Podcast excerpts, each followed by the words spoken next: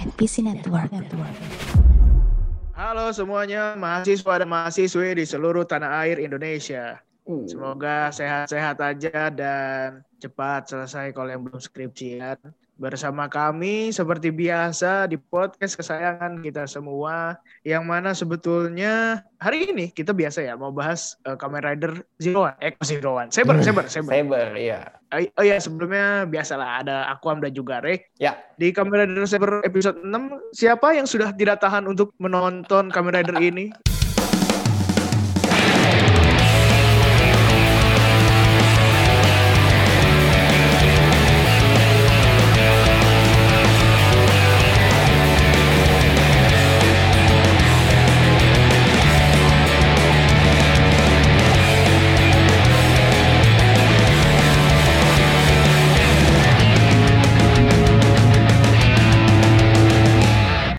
Di Kamen Rider Saber episode 6 ini gue nggak ada yang pengen apa ya terlalu banyak diomongin gitu ya. Karena kalau gue sendiri kalau gue nih ya gue nggak tahu mm -hmm. lo gimana. Di episode 6 ini kayak gue tuh ngerasa hmm, kayaknya ada yang kurang deh. Tapi kurangnya ini kurangnya ini bisa ada indikasinya kenapa bisa kurang. Cuma sebelum itu tadi gue udah nanya kita udah nanya-nanya di Twitter.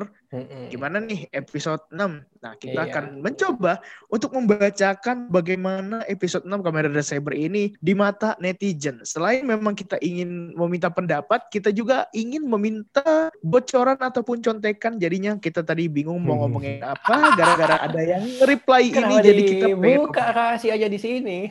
oh nggak apa-apa. Kita ini nggak ada nggak ada tipu menipu, nggak ada apa ya. Pokoknya nggak ada drama-drama. Pokoknya kita bikin podcast ini demi kalian. Ah. Oke boleh seperti minggu lalu kali ya kita bacain sebagian dulu dari Twitter nih. Boleh silahkan dibacakan Wam. Yang per pertama dari Dimas Median, akun Twitternya Mas Dime. Nah, ini menarik nih. Jadi di episode 6 ini menurut dia ada beberapa poin yang dia sampaikan. Poin pertama adalah gimmick item Wonder Ride booknya itu kecepatan banyak dikeluarin di awal. Takut kayak build jadi nyampah jatohnya. Nah, Lo ada pendapat nggak nih tentang ini nih? Uh, kalau menurut gue kata nyampah tuh uh, mungkin pendapat dia ya dari serialnya. Tapi kalau gue menggunakan kacamata produsen ya, ini adalah kesempatan mendapatkan uang lebih banyak bagi kolektor-kolektor yang memang mau melengkapi Wonder Ride Book. Ini saatnya gitu. Kita punya Wonder Ride Book ini ini ini ini, silahkan dibeli dan di PO mulai dari sekarang gitu. Makanya dikeluarinnya di awal-awal banget. Iya. Dan kenapa dikeluarin awal-awal biar para youtuber reviewer bisa ada konten. itu itu. Jadi mas di mas median harap maklum karena memang orientasinya adalah sekarang sudah jualan. Tapi bener sih menarik ya dia bilang takut nyampah gitu jatuhnya. Hmm, kayak di kamera Build memang di full battle-nya kamera Build itu kan banyak. Form-formnya jadi banyak. Cuma ya kayak gitu sih nggak enaknya itu jadi kayak form-formnya dia itu kayak cuma numpang lewat numpang lewat aja. Kayak iya. podcast kita kan numpang lewat. Mantap sekali. Iya jadinya ya gitulah. Ya, cuma nggak apa-apa lah. Disabar-sabarin aja ya mas. Di mas median memang mereka jual mainan dan tayangan ini sekali lagi memang buat anak-anak hmm, bukan buat betul. orang tua ya kan? Iya. nah, itulah. Jadi kita nonton Kamen itu selain hiburan kita juga melatih kesabaran. Nah itu dia. Karena kan yang terpenting Rider sabar. Aduh joke itu lagi di. Oke, oke, oke, lanjut, lanjut. Itu padahal udah ngelucu kenapa gue ketawa ya. Nah terus kata si Dimas Median ini, nah ini gue mungkin setuju nih sama ini. Kenza menyebalkan, mungkin nanti ada titik baliknya. Nah tuh, gimana tuh? Ya, gimana ya setuju, tuh? setuju. Itu udah gue siapkan poin pembahasannya. Waduh. Ya betul betul sih betul betul. Terus kata dia lagi bau-baunya story Kalibur kayak Himuro Gentoku. Nah ini gue sepakat sih sama dia. Gue sepakat. Karena memang akhir-akhir ini karakter-karakter yang dibuat agak-agak sedikit jahat bahkan jahat di awal-awal gitu kan. Kayak dia tokohnya misterius. Ujung-ujungnya ada satu turning point yang membuat dia menjadi insat dan membuat uh, menjadi satu koloni ataupun bersekutu dengan karakter utama. Terus tiba-tiba karakternya langsung berubah hmm. 360 derajat menjadi PA. Nah ini pendek akal. Ini ya udah udah tahu kan sih dan hmm. Kuroto, Himuro Gentoku, hmm. terus uh, yang terakhir di ini siapa? Yang Zaya, punya Zaya siapa?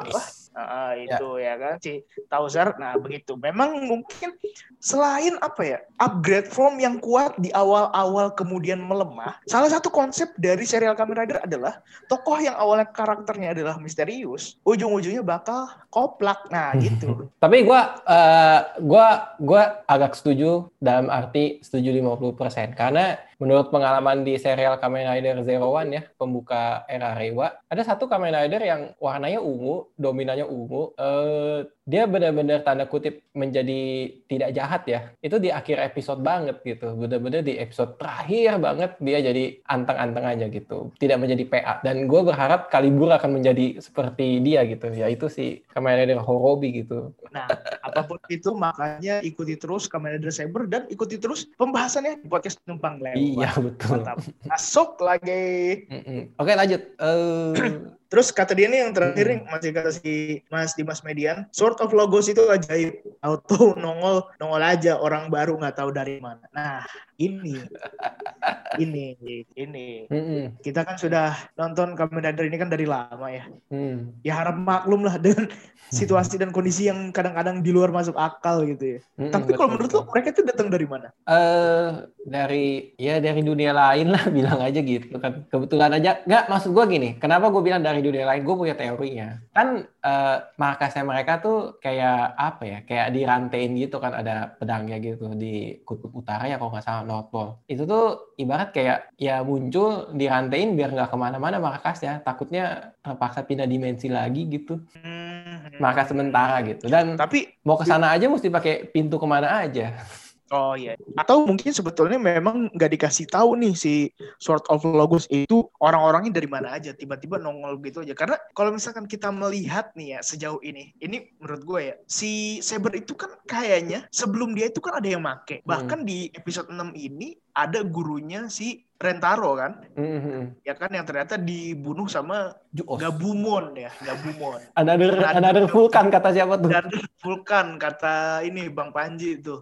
Nader Vulkan. Nah, itu menunjukkan mungkin Sword of Logos itu adalah salah apa kumpulan dari kesatria-kesatria gitu loh yang ada sejak zaman dulu gitu. Bahkan Hmm. sejak 15 tahun yang lalu peristiwanya yang kita nggak tahu masih rahasianya itu seperti apa gitu loh. Jadi Hmm. ya sebetulnya yang nggak tahu datang datang dari mana itu ya si ini sendiri si Toma gitu kan. Karena dia Hmm. hilang ingatan kan tiba-tiba punya Wonder Right Book. Nah gitu. Mungkin nanti seiring berjalannya waktu semakin banyaknya episode kita bakal tahu tuh sebetulnya Sword of Logos itu apa gitu. Apakah memang kumpulan kesatria atau sekumpulan ormas kan kita nggak tahu. Sebuah oh, Mas. Datang-datang ini ya eh, bawa pentungan. bawa, Wah, pedang, bawa pedang, bawa pedang, bawa pedang untuk membela ke Oh bawa pedang, bawa pedang. Iya. Terus ada lagi nih dari Ivan Ramadan Satria. Mm-mm. Sword of Logos, kumpulan mas-mas kesatria meja bundar yang tiap minggu rajin bikin meme. Nah, sebelum kita membahas ini buat Mas Ivan Ramadan Satria, tolong kalau sudah mention, kalau sudah nge-reply di follow ya. Itu Mas Ivan Ramadan Satria, yaudah komennya kita bacain aja, tapi nggak mau kita bahas. Di follow dulu ya. Itu ya.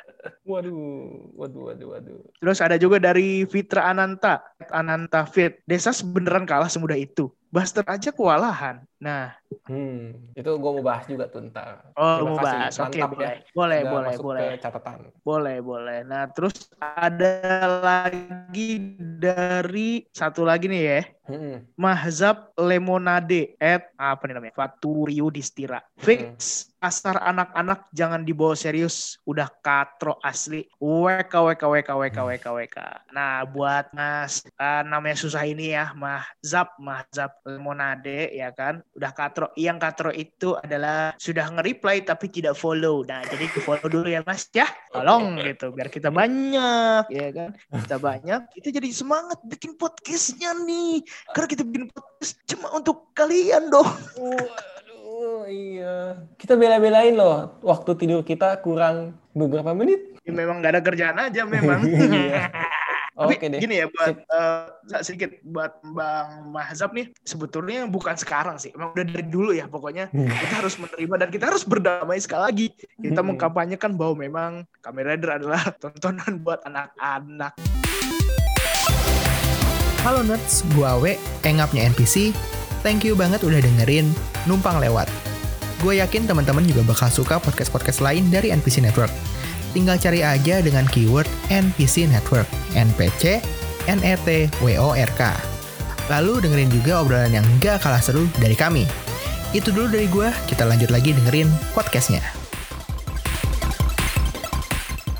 Saber episode 6. Episode yang ini tuh kayak agak kurang gitu. Eh, tapi gue melihatnya gini, mereka tuh kayak berusaha untuk menginvestasikan dasar-dasar atau fondasi cerita ya. Di mana ini tuh kayak terbagi ke tiga point of view yang berbeda. Jadi ada versi si Toma, punya tugas bekerja sama sama si Daishinji untuk mencari cara supaya bisa ke Avalon guna untuk membongkar segel pedangnya ya yang disegel gitu. Kento sama Kenzan tuh eh, ya menjaga perdamaian lah karena masih ada piranha yang berkeliaran dan memang ini cuma mau memperlihatkan kepada penonton eh Kamen Rider Kenzan nih atau si Ren Akemichi ini seperti ini loh eh, teknik-teknik dan lain sebagainya. Dan ada satu lagi yang benar-benar menyita perhatian gue tuh di ceritanya si Rintaro sama Meisudo yang lagi mencari-cari ya keberadaan dan fenomena Wonder World, busa-busa dan lain sebagainya. Tapi ketemu sama si Gabumon atau Zuos ya, yang ternyata punya ikatan masa lalu dengan si Rintaro gitu, secara tidak langsung. Gue mau bahas yang ini dulu nih teman-teman, terkait dengan kehadiran Kenzan ya, dan di komentar dari Twitter ya.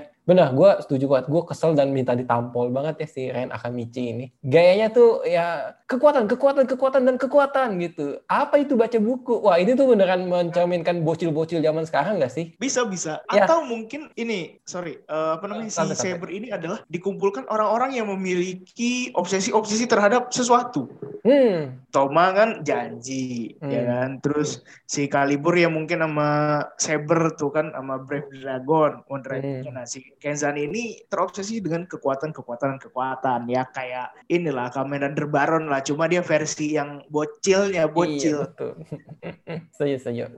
Terus kalau si Kento mungkin ini ya, supaya gue bisa ketemu bapak gue lagi, tapi dia jadi baik gitu. Ya, dan lain sebagainya. Nah, si Ren Akamichi ini tuh kayak, ya beneran kayak bocil zaman sekarang gak sih? Kalau dikit-dikit kalau ngambek, ngajaknya gelut gitu. PUBG lu sini buy one sama gua gitu. Udah kan? Co- coba deh lu cari di beberapa kolom komentar YouTube terkait ada perdebatan gitu ya. Kalau udah ngajakin buy one PUBG atau Free Fire ya ya kayak Ren Akamichi ini gitu. Iya iya iya. Ya, Iya dan- betul betul. Bisa bisa. Dan lucunya setup karakter di sini ya dengan mudahnya kayak dikenalikannya tuh kayak ditantang aja gitu. Bukan bikin janji tapi ditantang gitu. Oke, kalau lu bisa ngalahin si Piranha ini lebih dulu dibanding gua menemukan cara ke Avalon, berarti lu menang. Oke gitu. Iya. Gampang banget ya menyetir bocil dengan sangat ini. Dan si Ren Akamichi itu kan Kenzan ya. Kenzan tuh uh, Fusoken Hayate, nama pedang sucinya. Fusoken Hayate itu ternyata keren ya gimmicknya. Gue suka sih gimmick pedangnya. Satu pedang bisa di jadi dua ya di split gitu. Terus kalau digabungin lagi ternyata bisa dibikin jadi mode uh, shuriken raksasa gitu, ya kan ya. Dan terus terkait dengan dengan mudahnya dia bisa mengalahkan Desas ya. Tadi ada pertanyaannya, Desas beneran kalah seperti itu. Gue punya ini sih pada saat gue nonton ya, gue nggak tahu gue bener atau salah. Tapi kalau kalian lihat pas Desas meledak ya karena dikalahkan oleh si Kenzan ini, ada satu kayak bentuk ungu-ungu gitu terbang melingkar gitu. Mungkin dia belum kalah sepenuhnya gitu. Mungkin dia belum mati, cuman balik lagi jadi buku atau apa gitu. Perhatiin nggak sih di menit-menit dia meledak? Eh, gua nggak merhatiin, tapi Hmm. dengan mudah banget Desas mati itu kayak apa ya kayak ngepur aja ngepur Iya, iya, iya, setuju, gitu setuju. loh kayak eh ini biarin dah lu seneng-seneng eh, ntar juga nongol lagi yakin Iya, gua. iya. selain nongol lagi ujungnya jadi baik Ya. Ujung-ujungnya jadi baik, waduh. Gitu. Eh, selain si ini ya, selain tadi, eh, tadi kan pertanyaan ini ya, Kenzan beneran kalah atau enggak?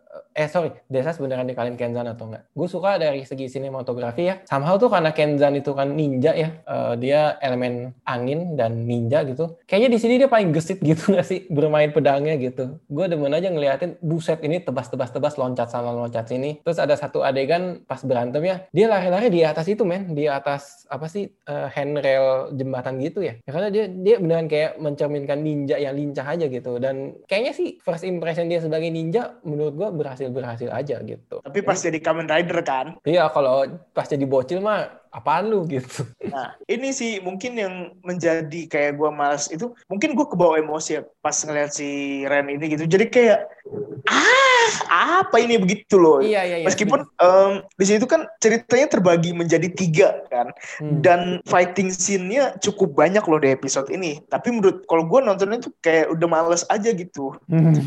Karena mungkin ya itu tadi faktor si Ren dan juga Cameron Kenzan atau mungkin dalam durasi total mungkin 25 menit dengan adegan yang menurut gue ini sangat kompleks itu kurang gitu loh. Kecuali mungkin Hmm. ini sekitar 45 menit atau 50 menit kayak The Boys gitu. Mungkin mungkin dengan ada tiga fokus utama dalam satu episode mungkin akan lebih mantep gitu. Hmm, Gitu setuju, loh. setuju. I see, I see. Iya, dari segi durasi berarti ya. Dari Oke. durasi aja. Iya, iya. setuju, Sama. Ren, sama Ren yang bocil, bocil nggak jelas itu. Iya, iya. Tapi kayak kehadiran Ren itu penting. Mungkin untuk memfasilitasi orang-orang tua ya, yang sekarang lagi punya anak yang kelakuannya kayak Ren gitu. Mudah-mudahan dengan menonton ini, tiba-tiba di tengah episode si Ren menjadi baik gitu. Bokap nyokap yang anaknya lagi nonton Saber bisa ceramahin mereka tuh kamu harus jadi kayak dia dong karakternya berubah gitu Dan gue mau nanya sama lu, Ya. Meisudo tuh sejauh ini fungsinya apa sih? oh eh memfasilitasi telepon ya itu doang. Iya, eh, eh. walaupun gue bingung doang. sih, gue bingung gini. Eh Meisudo kalau telepon tuh kayaknya dia cuma baru punya nomor teleponnya Toma. Hmm, Nah, iya, iya. Sedangkan Gatrike Phone itu bisa dapat panggilan dari North Pole atau Iya. si Sort of Logos eh, asal usul eh, apa markasnya ya Sort of Logos gitu. Jadi kayak ya oke lah gitu. Dan dia ini Eh, tapi- dia dia jadi ini kameramen loyal ya, direkam Oh, gitu iya, pertarungannya. Siapa tahu siapa Bukan- tahu dengan hasil rekaman itu si Rintaro bisa mempelajari cara berantemnya Nah. si Gabumon gitu. Jadi oh kalau gue mau kalahin kayak gini nih caranya gitu. Nah, kalau menurut gue sih bukan begitu, Re. Habis habis habis. Kan lu bilang tadi eh, mungkin di episode episode episode sebelumnya itu kan kayak menceritakan sesuatu yang memang relate dengan kehidupan kita masing-masing kan kayak misalnya ada interaksi anak dengan bapak, terus ada si Ren yang kekanak-kanakan kayak bocil-bocil zaman sekarang. Meisudo ini sebetulnya sangat relate dengan kita loh. Dia ada cerminan yang memang netizen ataupun orang-orang Indonesia gitu kan. Yang ada Oh. kejadian, ada kecelakaan, ada kebakaran, ada demo, tidak mau tahu harus mengeluarkan handphone, direkam, posting, rekam, posting kayak Aldi Taher anjir. Woi, woi, uh, uh, uh, uh, uh, uh, aduh, aduh, aduh, aduh. gitu. Ya, Jadi ya, dia setuju. merepresentasikan orang-orang yang ada saat ini gitu loh posting Hmm. posting posting gitu kan Eh, dan terlihat juga tujuannya dia kayak nggak mau ngasih tahu si Toma kan nih lu pelajarin. Enggak kan kayak loh kok hilang tiba-tiba gitu kan? Videonya kehapus. Kan tujuan dia berarti memang bukan untuk ya buat Toma belajar untuk apa kayak diposting di Instagramnya Kalau apa kalau file hilang, gue ada penjelasannya. Kemungkinan kalau file hilang itu kalau dia rekamannya di Wonderworld. ah iya. Tapi kalau di Oh, iya. eh, ke, ke apa di tempat real kayaknya mungkin bisa kerekam sih gitu. I don't know ya, nggak tahu Oh, gue. Oke Iya, lanjut itu- dulu ya setelah tadi kan eh, Kenzan. Ini ya Wonder Right Book ini eh, Kobuta Sankyodai. Ini Nah, yang tadi dibilang gimmick Wonder Right Book ya, ya gue setuju sih. Tapi ini gue sedikit ini ya kasih, ini menurut pengalaman gue. Ini tuh kayak nama menu makanan di restoran ramen Jepang gitu. Kobuta oh gitu babi soalnya. Ya memang begitu kan Ya, ini, ini kan tiga babi restoran non- kecil Restoran non halal ya ya. teman-teman ya. Disclaimer dulu gitu. Dan ini datang dari eh, kepemilikannya kayaknya sih ini memang punyanya si Ren Akamichi ya. Dan menariknya adalah kalau si cerita Kobuta Sankyoda ini kan atau Three Little Pig ya eh, kisah tiga babi kecil yang dikejar-kejar serigala dan rumahnya dihancurin dengan cara ditiup gitu. Ditiup kan pakai angin. Nah si Kenzan ini kan elemennya angin ya. Jadi kayak wah ini lucu aja. Menarik sih ini ke apa keterikatan dan hubungannya. Apalagi di sini kan si Saber juga sempet pakai si Wonder Kobuta ya jadi tiga volume dan dipasangkan dengan kekuatan si Storm Eagle gitu jadi ada angin topannya gitu sih. Em, Mm-mm. Kalau mengenai Wonder Right Book Kobuta ini, ini gue pengen mengatakan sesuatu terhadap orang-orang orang dewasa yang masih denial bahwasanya Kamen Rider itu adalah tetap untuk anak-anak dan remaja. Gini gini gini gini. gini. Ya ya lo sama gue ya kita sama-sama udah udah dewasa lah iya gitu iya kan secara usia ya. Ya kita tahu kita sadar gitu bahwa si Kamen Rider ini emang tontonan buat buat bocah gitu tapi kita masih nonton karena mungkin ada satu lain hal satu dua hal yang mungkin kita masih tetap nonton gitu kayak karena kita suka kalaupun dari kecil kita suka Teletubbies sampai sekarang juga mungkin masih suka nonton Teletubbies gitu Iya betul. Nah cuma, cuma jangan denial. Maksud gua adalah gini, Kobuta jurusnya itu kayak gimana? Kartun kan keluar, Iya betul. ada betul. tiga babi kecil kan yang apa ini bangsat gitu Iya. kan? Apa ini ya Allah? Kenapa harus ada kartun gitu? Terus jurusnya lucu gitu kan, kayak Hmm. dia ngebangun rumah. Setuju, Dan setuju. ya buat emang buat orang dewasa Mm-mm. ya ini ini sampah aja. Cuma Iya. Ya, ya udah terima aja emang ini tontonan bocah gitu loh. Dan ngomong-ngomong soal dewasa dan hubungannya dengan hiburan yang katanya buat anak-anak ya. Nih gue kasih tahu ya. Buat kebetulan kan minggu ini baru terbit tuh salah satu trailernya Doraemon Stand By Me 2. Ya kan ya? Aha. Lu kalau nonton Doraemon dulu di bioskop ya, Doraemon Stand By Me, masa ada jam midnight sih? Dan jam midnight yang nonton om-om sama tante-tante. Hah? Hiburan anak-anak, hiburan anak-anak. Anda-anda yang sudah berumur juga tetap pengen nonton kan? Penasaran? Ya. Ya iya, itu tetap pernah. Jadi ya, sesuatu yang mungkin diperuntukkan untuk untuk anak kecil kan bukan tidak mungkin orang dewasa pun suka. Gitu. Iya, betul. Ya ada mungkin orang-orang yang sudah eh, dewasa juga masih doyan makan susu bayi kan, bubur bayi, bubur bayi, sun sun sun. Ya, enak loh itu asli. Mm-mm, setuju, setuju. Nah itu sih, udah itu aja. Ada Dari gua. pahlawan superhero udah berumur dewasa masih suka mimi cucu. Minumnya Siapa dijilat, minumnya dijilat-jilat lagi. Beda Siapa server. ya? Homelander, Homelander. Siapa? Beda server, beda server.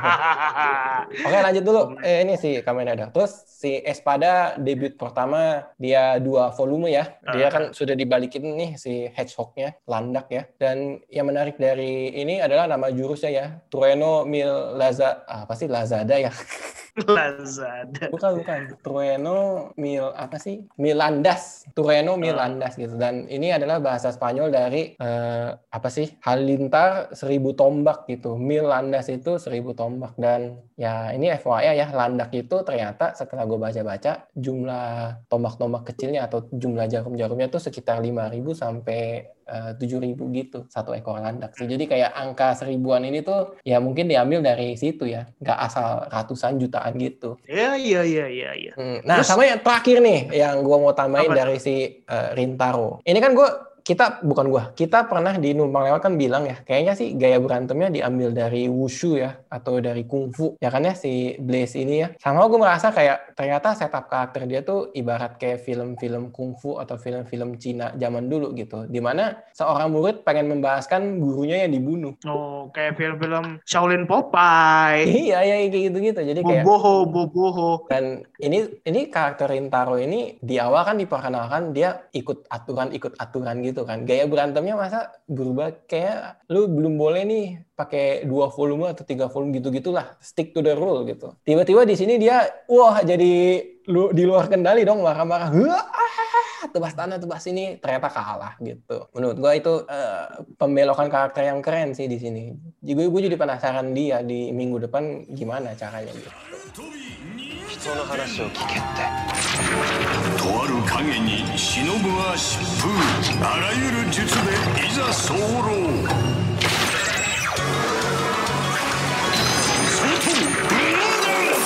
外一の